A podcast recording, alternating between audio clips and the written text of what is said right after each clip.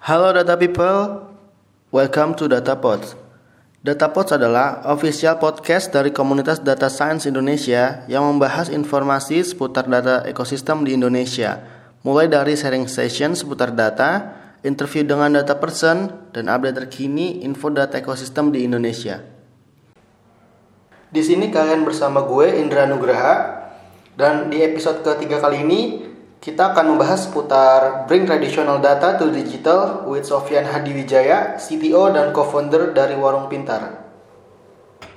Kali ini saya sudah bersama pembicara kita, Mas atau Pak nih ini. Mas tuh. Oke, masih Mas. Sofian, oke. Nah, dia ini udah lalu lalang lumayan lama di dunia perteknologian Indonesia, udah lumayan beberapa company dia jabat lumayan tinggi. Bisa langsung jelasin aja sih, Mas Sofian dari latar belakang, pekerjaannya sekarang, sama related sama datanya tuh gimana sih? Oh ya, menarik sih. Eh, kayak ya mungkin gue bahas dari kuliah gue. Ya, eh, jurusan gue tuh teknik industri. Jadi sebenarnya sekarang tuh relate banget sama dunia sekarang gitu. Namun dulu malah gue kecemplungnya di tech. Ya, jadi kayak eh, semua bisnis gue tuh jalannya di teknologi gitu. Nah, jadi eh, apakah gue menyesal dulu meninggalkan teknik industri gue, ataukah apakah gue menyesal dulu salah jurusan? Jawabannya enggak. Wih. Karena justru sekarang kalau ngelihat kata-kata data scientist itu kan ada yang mendeskripsikan bahwa seorang statistician yang lebih jago statistik ketimbang eh sorry seorang statistician yang lebih jago ngoding ketimbang programmer atau seorang uh, programmer yang lebih jago statistik ketimbang statistician. Nah, berarti kan dia harus punya dua uh, skill kan. Skill pertama itu tentang statistik atau mengerti tentang bisnis, which is itu ada di pengetahuan teknik industri gue, dan dia juga harus punya skill di ngoding kan, atau di uh, programming atau di computer science, which is itu yang gue geluti bertahun-tahun. Jadi hopefully uh, gue bisa jadi salah satu yang disebut dengan namanya data scientist. Wih, skillnya udah udah kekumpul lah nih buat jadi data scientist. Iya. Tapi skillnya udah jauh sih seharusnya. Oke, kalau kerjaan gimana nih? Ya kerjaan menarik sih ke- karena sebenarnya kayak pertama kali start kerja gue nggak relate sama data sih kayak gue lebih keserambutan kayak apa aja gue kerjain tapi kayak eh, kayak start di tahun 2010 gue mulai kerja di Holcim Eh, jadinya tuh dulu nggak ada tuh istilah data science atau apa. Ya kerjaan gue market analis. Jadi kerjaan gue emang day to day nya emang analisa marketnya Holcim kayak eh, tempat mana yang turun, terus bikin scorecard, terus bikin prediksi. Kayak uh, tim gudang atau eh, sorry tim production itu uh, harus uh, cetak berapa ton semen gitu buat dijual. Nah jadi uh, itu pekerjaan pertama gue yang beneran related to data. Nah habis itu kayak wah banyak lah pokoknya gue malang melintang bikin startup, bikin company, uh, kerja di tempat uh, orang lagi. Nah, jadi ada satu saat yang mirip eh, yang related to data lagi kayak waktu di Kudo sih. Di Kudo untuk pertama kalinya uh, waktu itu gue uh, dapat uh, apa ya kayak uh, titah lah atau bisa dibilang perintah lah dari uh, CEO-nya. Uh, gue waktu itu Albert Lucius, CEO-nya Kudo. Kayak dia bilang soft kayaknya kita udah butuh buat bikin tim data. Jadi itu uh, first time gue beneran ada title uh, jadi head of data di Kudo waktu itu. Nah, eh, habis itu kayak bikin startup lagi, ya balik lagi ke eh, apa kerjaan eh, ngoding, terus computer science dan eh, technical ya. Nah, terus habis dari bikin startup, terus join Gojek, ya di Gojek gue berhubungan dengan data lagi. Nah, which is kayak ya ngerjain BI di sana, business intelligence. Eh, nggak lama, ya bikinlah si warung pintar. Nah makanya eh, kita di warung pintar nih super data driven company sih. Oke, cukup dulu pengenalan dari data person kita kali ini. Kita akan lanjut ke session Q&A selanjutnya. Oke, sekarang kita masuk ke section Q&A. Masih bersama Mas Sofian Hadiwijaya, CTO dari Warung Pintar. Oke, tadi kan di intro profile kita udah denger dia udah lumayan banget ya lalu lalang di dunia perdataan lah istilahnya. Nah, judul kita kali ini adalah Bring Traditional Data to Digital. Nah, Mas Sofian, kalau perkembangannya gimana sih? Kalau bidang tradisional tuh mau transforming data ke digital atau gimana? Ya, uh, menarik sih. Kayak beberapa teman gue juga kan dulu gue sempat kerja di Holcim kan. Jadi kayak uh, the whole data yang kita olah ya pakai uh, Excel. Ya, jadi uh, belum ada tuh yang namanya big data segala macam. Jadi emang setiap kali tutup tahun ya kita punya summarize dari setahun itu ngapain aja gitu. Jadi kayak itu yang bakal di bring ke tahun-tahun berikutnya.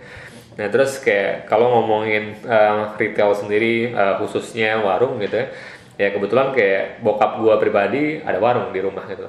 Uh, gimana sih dia memanage uh, bisnisnya gitu kan? Jadi kayak setiap hari ya dia cuma melakukan pencatatan uh, di kertas. Kayak barang apa sih yang laku? Ya terus buat ngevalidasi itu biasanya dia menggunakan uh, visualisasi. Jadi kayak oh uh, secara eye level tuh kayak uh, jumlah uh, apa namanya uh, coki-coki itu udah habis belum macam. Jadi kayak uh, super tradisional. Jadi kayak mereka ngehandle semuanya itu uh, based on uh, apa yang mereka rasakan dan apa yang mereka lihat aja. Jadi kayak by feeling kayak besok gue mau beli apa itu tergantung dari uh, penglihatannya dia. Uh, barang mana yang habis ya itu yang dibeli. Jadi uh, dan kadang-kadang juga karena nggak pernah ada uh, apa ya kayak ngeprediksi atau apa gitu ya kayak beberapa barang tuh jadinya kayak expired gitu loh. Hmm. Jadi uh, ya hal-hal inilah yang ya mereka nggak ada pencatatan sistem, uh, mereka nggak ada warehouse management buat uh, ngelihat uh, apa namanya kondisi warungnya. Jadi emang ya begitulah keadaan retail kita sebelumnya. Oke, tadi udah jelasin traditional data nih. Tadi pas intro Mas Sofyan belum jelas ini kerjaannya tuh warung pintar tuh ngapain aja nih? Wah. Oke, boleh di highlight sedikit gak ini? Ya, yeah, warung pintar ya kalau di bahasa Inggris smart retailers ya. Jadi kayak uh, jadi tujuan kita sebenarnya uh, ya berhubung ini kita ngobrol sama orang-orang data gitu. Uh, gimana caranya kita bikin suatu box uh, yang uh, bukan kayak Amazon Go yang bisa nge-automate semua transaction atau apa. Uh, kita lebih ke pengen mengangkat kearifan lokal jadi kayak uh, kita pengen belajar si behaviornya si penjaga warung. Terus kayak uh, kita mau bikin teknologi yang match terhadap behaviornya mereka. Jadi sebisa mungkin uh, kita nggak mau ngeganti si behaviornya penjaga warung gitu. nah let's say kayak uh, kalau kita ngomongin uh, ganti itu misalnya kayak uh, ada POS system misalnya. Nah itu kan bukan bukan behavior sesungguhnya kan, bukan kebiasaan para penjaga warung kan mereka tuh biasanya tuh ngecatat di buku gitu. Nah jadi uh, gimana caranya through the technology uh, kita ngebantuin mereka dan tanpa mengganti si kebiasaan yang mereka tadi. Uh, tapi uh, dengan hal-hal tersebut ya kita bantu di uh, how to capture the data, how to analyze, terus uh, habis itu gimana caranya buat ngejual. Jadi uh, tiga hal ini yang kita bakal bikin the teknologi biar si penjaga warung ini uh, ya kalau ngikutin Trump gitu ya uh, kita pengen bikin warung great again kita tuh mungkin buat data people tuh sering beli ke warung-warung ya cuma tuh bingung tuh kira-kira data apa aja sih yang bisa diambil nih bisa jelasin nggak mas Sofian? Ya banyak banget sih sebenarnya. Jadi uh, karena gue orang digital gitu ya, terus kayak ngelihat uh, si warung ini kan bisnis yang offline dan uh, mereka boro-boro ngomongin data. Mereka juga bukan orang-orang yang tech savvy gitu jadi mereka itu pebisnis yang by feeling. Uh, nah ya uh, jadi padahal kan sekarang kalau ngomongin startup atau apa gitu selalu ngomongnya data driven company gitu. jadi kayak uh, untuk lebih efisien kita harus data. Jadi kayak uh, uh, apa namanya uh, data apa aja yang bisa di capture. Jadi kalau kita balikin lagi kayak ke e-commerce kan di e-commerce kan kita enak banget ya. Kita bisa tahu uh, orang yang beli apa itu dia sebenarnya tertarik dengan barang apa lagi. Jadi ada suggestion atau recommendation engine di sana gitu kan. Terus kayak misalnya uh, apa uh, ya bisa ada uh, analisa dia dropnya di uh, di mana gitu. Uh, dia terakhirnya di mana. Jadi kayak uh, apa namanya uh, flow dari si orang itu buat belanja itu kan ada kan. Jadi kayak Nah, gimana caranya sesuatu yang uh, yang yang offline itu kita bring to uh, online? Ya, contohnya kayak tadi, kayak uh, siapa aja sih yang belanja di warung? Ya mungkin kalau orang sekitar kita bakal masih kenal kan. Tapi kan bisa jadi kayak uh, di city yang lumayan gede, orang kan lalu lalang di tengah jalan kan. Nah, caranya kita bisa tahu uh, orang yang belanja siapa aja, ya kita bisa lebih personalize sama dia. Terus kayak uh, misalnya kayak uh, warung gue ini rame tapi kok penghasilannya dikit ya. Nah itu berarti kita bisa ngelakuin kayak uh, kalau di iklan kan ada yang namanya impression. Kira-kira ada berapa banyak sih orang yang nongkrong dan kira-kira dari orang yang nongkrong itu berapa banyak yang belanja? Itu analisa itu juga kita bisa lihat. Nah terus kayak tadi yang ngomongin tentang data driven gitu. Jadi kayak kan gue udah mention sebelumnya bahwa kayak dulu bokap gue tuh high level aja. Kayak kalau dia ngelihat satu barang habis itu yang dibeli nah mereka tuh nggak pernah melakukan uh, analisa kayak mana sih barang yang menghasilkan high margin? Dan gimana caranya uh, menghitung kayak menganalisa uh, ba, uh, apa namanya uh, basket size-nya dari si si uh, si si inventory gua gitu. Jadi kayak barang mana yang harus gue keluarin duluan uh, gimana caranya barang ini kalau expired itu uh, gimana cara gue ngejualnya. Nah jadi kalau kita punya uh, uh, banyak data ya uh, hal ini mungkin bisa meningkatkan uh, penghasilannya mereka dan kerjanya mereka tuh lebih efisien aja sih banyak sekali data yang bisa diambil ternyata ya mungkin kalau teman-teman tuh ada biasa kalau e-commerce dia tinggal bisa dilihat datanya dari pembelinya kelihatan kan setiap jempol bergerak aja tuh bisa ditrace kan kalau di aplikasi. Nah yeah. ini iya. kalau di warung mungkin orang-orang pada bingung kan, mungkin tadi terjawab sih dari hmm. pergerakan dari pembelinya juga ya. Betul betul. Nah dari data yang diambil tadi kan lumayan banyak tuh. Pengaruhnya ke warung sendiri apa sih? Selain tadi mungkin hmm. membantu penjualnya. Iya, jadi kadang-kadang tuh kayak uh, uh, let's say kita ngitungin impression. Berarti uh, sebenarnya ada segitu banyak opportunity yang bisa mereka raih gitu. Jadi uh, ini yang kadang-kadang mereka tidak sadari gitu. Jadi kayak oh warung gua rame tapi kenapa nggak ada penghasilannya? Jadi kayak uh, kita bisa bantuin kayak oh sebenarnya tuh di jam ini sampai jam ini tuh warung lo rame. Hmm. Nah gimana caranya lo uh, convert lebih banyak uh, uh, dengan cara banyak hal lah gitu kan. Nah itu itu satu. Jadi dia bisa uh, mengurangi opportunity loss yang mereka uh, kalau mereka tahu gimana caranya uh, apa uh, ya kayak memanfaatkan kesempatan lah ya nah terus kayak tadi uh, inventory management jadi kayak uh, mereka tahu uh, barang apa aja yang harus di stop uh, ada beberapa barang itu yang kayak uh, items tuh yang kayak cepet banget emang. Terus sering banget laku. Dan secara GMV mungkin gede. Nah, padahal si marginnya tuh tipis banget itu Nah ini yang kadang-kadang nggak disadari. Nah dengan kita bisa bikin kayak oh uh, eh, COGS-nya tuh sekian, terus harga jual lu sekian, terus kita bisa bikinin dashboard. Nah dari situ kelihatan uh, sebenarnya barang ini tuh itu nggak berimpact banyak gitu. Nah sedangkan kalau dia selalu ngestok barang itu, jadi kan uh, space buat barang lain yang justru high margin tuh nggak uh, ada gitu. Nah jadi uh, kalau kita bisa bantuin mereka buat manage itu ya penghasilannya bakal uh, tambah gitu jadi uh, terus kayak yang kita bantuin juga tuh kayak ya itu ngeprediksi ya. jadi uh, set threshold kayak kapan gue harus beli lagi uh, jangan sampai kayak barangnya beneran habis baru dibeli gitu. Nah seandainya kita bisa ada data yang kayak eh ini biasanya setiap hari tuh bakal habis berapa?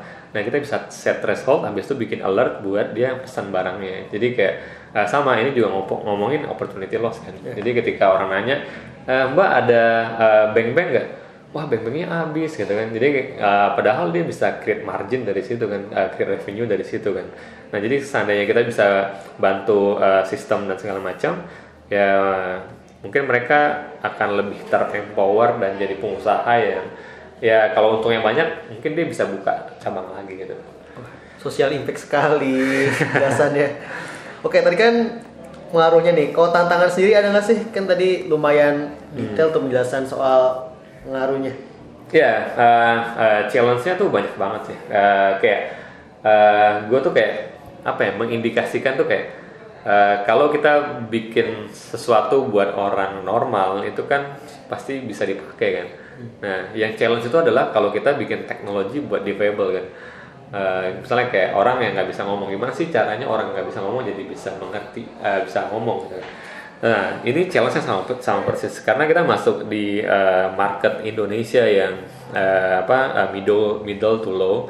Jadi uh, dan mereka ini kayak beberapa orang nggak tech savvy dan uh, reluctantnya banyak. Itu itu challenge terbesar sih. Kayak uh, kayak misalnya kayak let's say kayak ngapain sih ada CCTV terus kayak uh, mereka kayak udah punya kepercayaan juga gitu. Kayak oh barang ini harus ditaruh di sini uh, di, di sini. Kayak cara peletakannya gini-gini uh, ya padahal itu kan nggak efisien. Jadi kayak uh, challenge itu gimana caranya kita mengeduket mereka sih. Nah tapi challenge selanjutnya juga uh, ketika mereka dapat uang gitu ya gimana juga kita ngajarin mereka tentang uh, financial literacy. Jadi gimana caranya menabung uh, uh, karena kayak ya biasanya kan orang kalau biasanya dapat pendapatan berapa terus dapat pendapatannya meningkat biasanya lifestyle-nya meningkat kan ya, itu gimana caranya? Jadi kayak sekarang ya udah ada uh, warung kita yang dulunya punya satu cabang bahkan sekarang dia udah punya tiga tiga cabang gitu. Ya jadi uh, emang challenge-nya tuh uh, ya develop teknologi atau uh, of course bakal uh, ya kalau kita lihat ya bakal super costly ya. Jadi kayak ya kita pasang si kamera dan dan segala macam gitu tapi kayak ya itu semua kita lakuin biar uh, kita bisa nge-empower uh, orang-orang di grassroots area ini sih. Perbedaan Warpin sendiri ada nggak sih? Kayak store-store yang udah ada di pinggir jalan sekarang itu hmm. atau yang minimarket minimarket gitu? Ya, yeah, basically sih kita nggak bisa uh, di nggak uh, apple to apple sama minimarket ya. Karena dari sisi size sendiri ya jauh lah. Uh, size nya warung kita tuh cuma dua kali satu setengah satu koma delapan gitu ya kan beda sama uh, minimarket yang oh, bisa parkiran banyak mobil dan segala macam kan.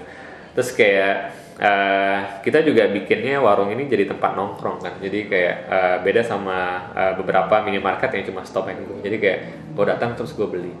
Uh, terus ya dari SKU kita nggak bisa saingan, terus marketnya juga mungkin beda, ada banyak barang yang bisa dijual di di warung, ya itu sih. Jadi uh, nah ya that's uh, gara-gara itu juga kita mau bantuin warung ya. Kalau kita lihat si para modern trade ini kan uh, mereka udah difasilitasi dengan POS, dengan CCTV, dengan segala macam sistemnya lah.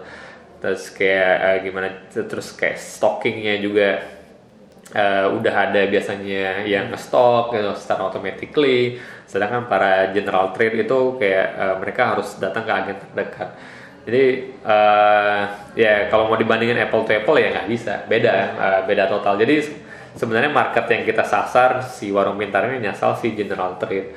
Uh, apa itu general trade? Itu ya kayak kayak kios kayak uh, warung yang di uh, di trotoar ya gitu-gitu sih. Oh itu ada plan gak sih? Kayak warung yang udah ada mau dikerja sama sama warung pintar gitu dia sediain box gitu ada kerjasama gitu? Ya yeah, uh, so far sebenarnya kita udah ngelakuin itu sama jadi tapi kayak ya kayak ya gue juga belajar dari uh, para pendahulu kita ya salah satunya ya kayak Gojek Uh, ya seperti yang kita tahu kayak beberapa ojek online kayak Gojek, Grab, Uber gitu selalu ada penolakan dari opang kan ojek pangkalan kan. Nah hal ini sama persis terjadi sama kita juga. Jadi Nah makanya sekarang itu kita lebih pengen kayak membuktikan dulu sih. Uh, kita pengen membuktikan bahwa eh uh, kalau lo, kalian join ke warung pintar kayak apa sih benefit yang bisa kita kasih sih. Uh, ya kita pengen buktiin dulu nanti biar mereka aja yang uh, datang ke kita. Kalau ditanya adakah keinginan ya kita pengennya semuanya. Ngapain kita bantu uh, cuma sebagian doang gitu loh. Hmm. Uh, ya masalah terbesar tuh kayak ya kita kadang-kadang ketika datang tuh kayak dikira bohongan. Oh masa iya sih mas? Kita bisa dapat boxnya gitu. Atau kayak beberapa dia takut behaviornya bakal ganti. Kayak let's say kayak ya kayak gue balik ke kayak ojek online gitu. Yang yang dulunya dia cuma nangkring nongkrong terus bisa main catur sambil minum kopi nungguin pelanggan naik. Ini dia harus pantengin si uh, appsnya atau si mobile phone-nya gitu. Jadi kayak uh, itu kan another behavior buat mereka gitu jadi kayak ya hal-hal itu yang sebenarnya kita kerjain sih buat uh, ngetransformasi warung existing sih. Oke, nah sekarang kita kan oh dengan CTO nih, boleh nggak sih sedikit cerita soal arsitektur data apa sih yang dipakai di warung pintar sendiri? Ya, ya, ya sebenarnya kalau ngomongin arsitektur uh, ada another challenge sih sebenarnya kayak kan kita bermain-main dengan tadi ya, kayak uh, visualisasi data terus kayak uh, ada POS gitu ya.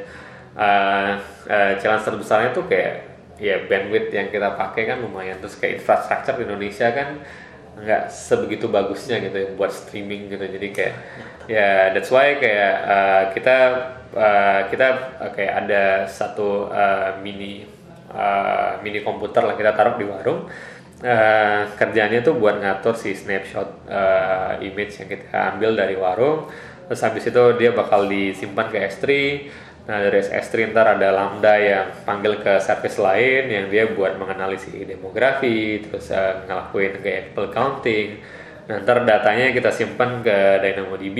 Dari DynamoDB kita punya uh, visualization tools uh, biar orang bisnis bisa nge-consume itu sih.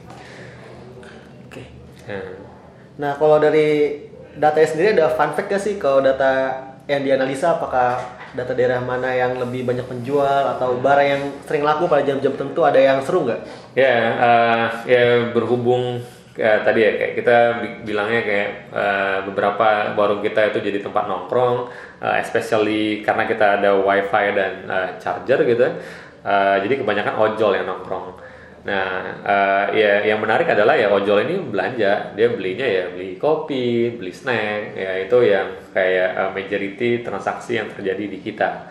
Ya, kayak di, di data kita juga kayak malah 9% uh, penjaga warung kita itu pekerjaan dahulunya tuh ojol. Gitu ya mungkin dia melihat temennya nongkrong terus uh, nongkrong kayaknya asik juga oh kayaknya mungkin gue capek narik ya udah gue bikin nongkrong usaha aja ya.